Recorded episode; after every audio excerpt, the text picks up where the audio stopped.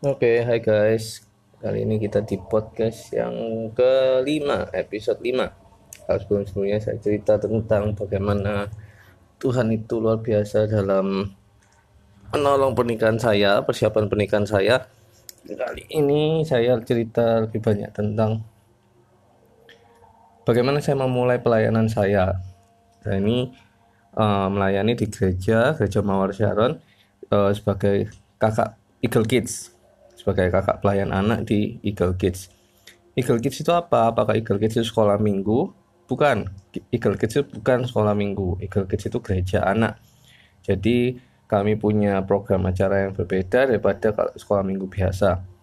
Jadi benar-benar kayak gereja tapi for kids untuk anak-anak. Jadi dan itu ada pembagian kelas-kelas menurut rentang usianya. Jadi ada tiga level, ada yang All Star, Super Trooper, ada yang Voltage.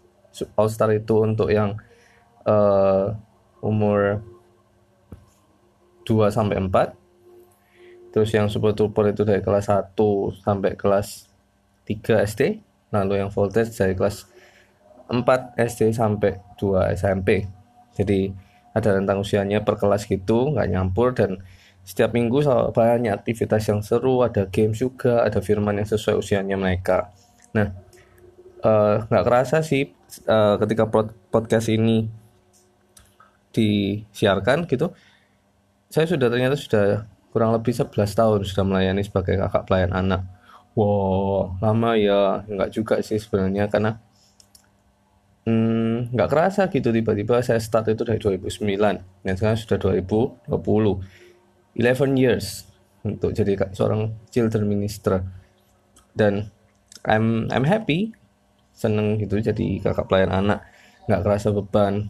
Karena jujur jujur saya nggak terlalu suka anak kecil sebenarnya. Bukan yang sampai lihat anak kecil itu sampai suka banget bisa bisa apa namanya rawat banget gitu ya enggak tapi it just started in 2009 waktu itu sih saya nggak ada sama sekali sama sekali nggak ada panggilan untuk jadi jadi kakak pelayan anak jauh dari bayangan saya kalau saya akan berkecimpung di dunia anak-anak apalagi jadi kakak pelayan anak di, di gereja anak gitu itu sama sekali nggak ada bayangan sama sekali nggak ada nggak ada niatan ke situ.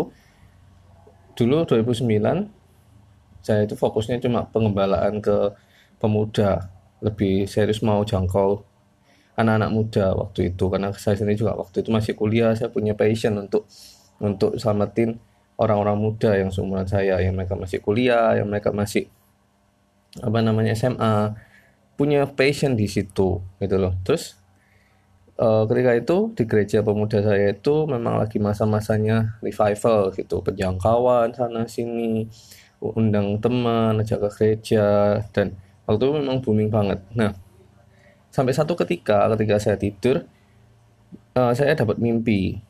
Saya dapat mimpi waktu itu saya dapat mimpi adalah ketika itu di di mimpi saya itu saya masih ingat sekali.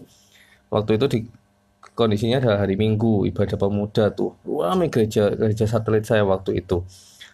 Saking ramainya uh, bapak gembala itu datang ke saya gitu panggil saya. Lo kamu ngapain kok di dalam ruang ibadah? Itu loh di luar uh, gedung gereja. Itu banyak orang mau masuk nggak bisa. Ayo tolong tolong bantuin yuk layani mereka gitu Wah, saya langsung sikap dalam bayangan saya di luar gereja itu mungkin sampai penuh-penuh mereka nggak bisa masuk. Terus apa namanya? Dan ini orang muda semua. Saya langsung iya pak pak saya bantu gitu. Ketika saya keluar keluar dari gedung gereja, saya kaget. Bener banyak banyak sekali yang menunggu di luar gedung gereja, tapi bukan anak muda. Yang saya lihat waktu itu adalah anak-anak kecil bener banyak banget anak-anak kecil. Saya sendiri kaget-kaget kayak gitu loh. Kok anak kecil semua kok gitu. Dan mereka tuh anak kecil yang bukan dari strata yang orang kaya campur di situ. Jadi ada yang yang modelnya benar-benar kayak anak-anak yang ada di pelosok pedalaman kayak gitu. Itu mereka di luar dan wajah mereka itu kasihan. Mereka menunggu mau masuk mau ketemu Tuhan. Lalu Pak Gembala di mimpi itu bilang ayo bantu aku layani mereka kok gitu. Terus apa namanya doain mereka satu-satu. Dan di mimpi itu saya lakukan itu. Saya doain tumpang tangannya anak-anak kecil itu satu-satu. Dan kebangun dari mimpi. Terus saya masih nggak sadar apa artinya itu. Waktu saya, saya mikir sepanjang hari oh mungkin gereja pemuda yang saya uh, tertanam itu akan buka ke, uh, ibadah anak setelah ini. Tapi ternyata enggak bukan itu. Saya juga nggak sadar juga. Apa maksud Tuhan waktu itu? Terus saya diam lama gitu sempat lupa sama mimpi itu sih. Sempat lupa sampai satu ketika saya dapat brosur kalau di gereja saya itu lagi diadakan perekrutan untuk kakak pelayan anak. Wah excited nih. Apalagi waktu itu dibuka perekrutan untuk melayani di bidang uh, anak tapi di bagian English service-nya. Karena akan dibuka uh, sudah dibuka dan kekurangan kakak untuk di bagian English service. Wah saya semangat nih. Waktu itu kan kuliah saya juga bahasa Inggris gitu ini bisa nih pakai untuk uh, pakai kemampuan saya di situ. Akhirnya saya daftar di interview juga sama kak Nikita waktu itu. Ditanya-tanya segala macam ikut training fly high namanya fly high training untuk kakak-kakak baru. Terus mulai join pelayanan pertama kali kayak gitu. Dan dan ketika melayani itu rasanya memang beda dari melayani pemuda kayak gitu. Saya rasakan ketika anak-anak kecil itu sudah masuk dalam penyembahan mereka mereka nyanyi memuji Tuhan sungguh-sungguh.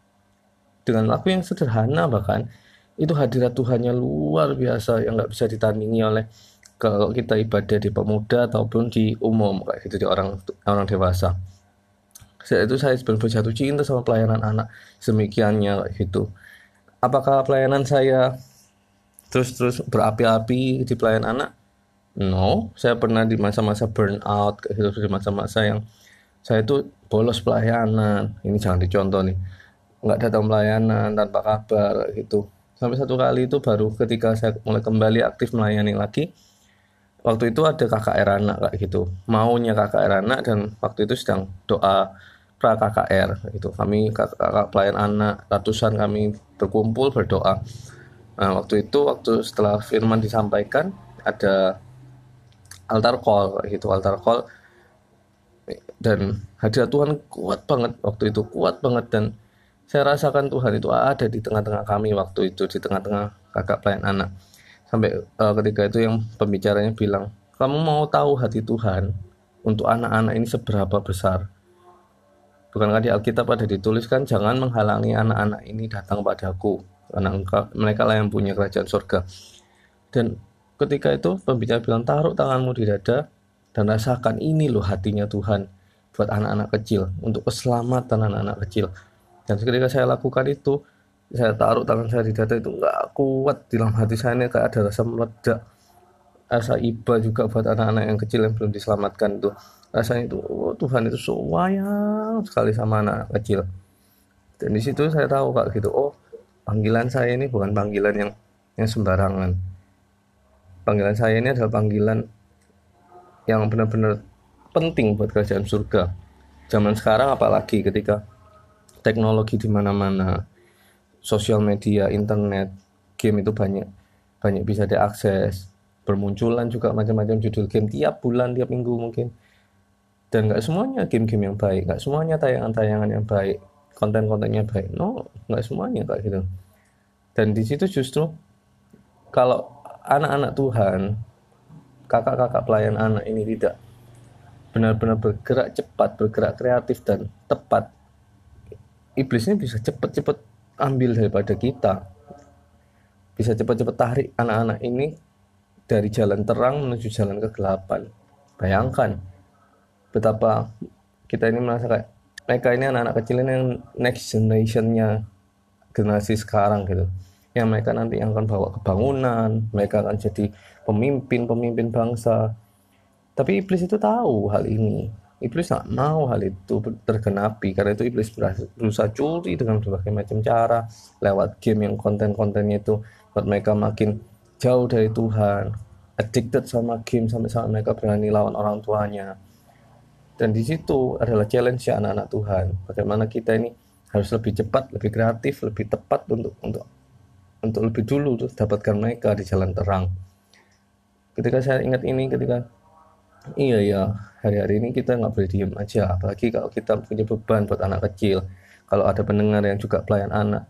Sadari kalau kita ini dipakai luar biasa sama Tuhan. Lewat mulut kita lewat tindakan kita lewat contoh hidup kita mereka lihat loh mereka lihat. Dan one day mereka kan bisa ngomong gitu kalau misalkan aku pengen jadi seperti kakak pelayan anak itu melayani anak-anak kecil lainnya juga. Dan seneng rasanya kalau melihat anak-anak Tuhan itu anak-anak kecil juga tepatnya mereka itu kembali ke jalan yang benar lakukan hal-hal yang baik yang tidak yang tidak membuat Tuhan sedih. Dan saya tahu panggilan saya di situ bukan panggilan sembarangan. Jadi eh, saya bersyukur Tuhan panggil saya untuk jadi seorang kakak pelayan anak. Sampai hari ini saya bersyukur sudah 11 tahun dan akan terus berjalan. Oh iya justru karena pelayan anak pun Tuhan itu pakai saya untuk jadi seorang guru di sekolah. Suatu mujizat sih memang kan itu karena saya nggak ada gelar sesuai bidang yang saya ajar di sekolah. Saya pure murni masuk ke sekolah ini sebagai guru pun bukan karena bukan karena saya lulusan ini lulusan itu no saya cuma kakak pelayan anak. Dan saya tahu panggilan utama saya adalah kakak pelayan anak. Tanpa dilibatkan oleh masalah administrasi guru dan segala macam I know that I'm a children minister. Di mana pun ada anak-anak mau ke ujung dunia ke ujung kota yang terpencil sekalipun kalau ada anak-anak di situ saya tetap kakak pelayan anak. Yes? Uh, saya nggak malu untuk aku ini kayak gitu. Dan ini hati ini yang saya bawa ketika saya bekerja sebagai guru di di sekolah sekolah yang saya ajar saat ini gitu loh. Jadi I'm a teacher but dalam hati I'm still a children minister. Jadi saya nggak menyerah dengan dengan apa yang ada di depan saya. Misi saya itu masih yang Tuhan taruh dalam hati itu masih sangat luas dan banyak PR untuk dikerjakan. Apalagi hari-hari ini adalah hari-hari yang makin jahat kalau kita lihat berita kemarin ada anak SMP bahkan tega lakukan kriminalitas bunuh bunuh anak lima tahun cuma karena tontonannya. Ini masih SMP still anak-anak masih anak-anak bunuh anak-anak lagi gitu. Betapa iblis hari-hari ini makin jahat untuk mengincar jiwa anak-anak. Karena itu uh, kalau kalian yang mendengar ini juga adalah pelayan anak ayo sama-sama kita tetap semangat kita kita lakukan bagian kita jangan pandang pelayananmu kecil. Jangan pandang pelayananmu ini halah cuma jaga anak jemaat. No. Kamu adalah kakak pelayan anak. You have a great responsible untuk untuk taruh dalam hati mereka untuk tanam dalam hati mereka kebenaran-kebenaran firman Tuhan yang seperti Alkitab bilang kalau kamu tabur terus kamu perkatakan siang dan malam itu yang akan dihidupi mereka. Jadi sama-sama sebelum kerajaan gelap mengambil mereka menculik mereka membawa mereka ke jalan yang salah. Kita harus lebih dulu mendahului mereka. Jadi semangat melayani jangan kendor apinya untuk melayani anak-anak karena mereka lah yang punya kerajaan surga jadi sekian dulu podcast episode 5 kali ini. Terima kasih sudah mendengarkan. Uh, dan tetap semangat. Tuhan Yesus memberkati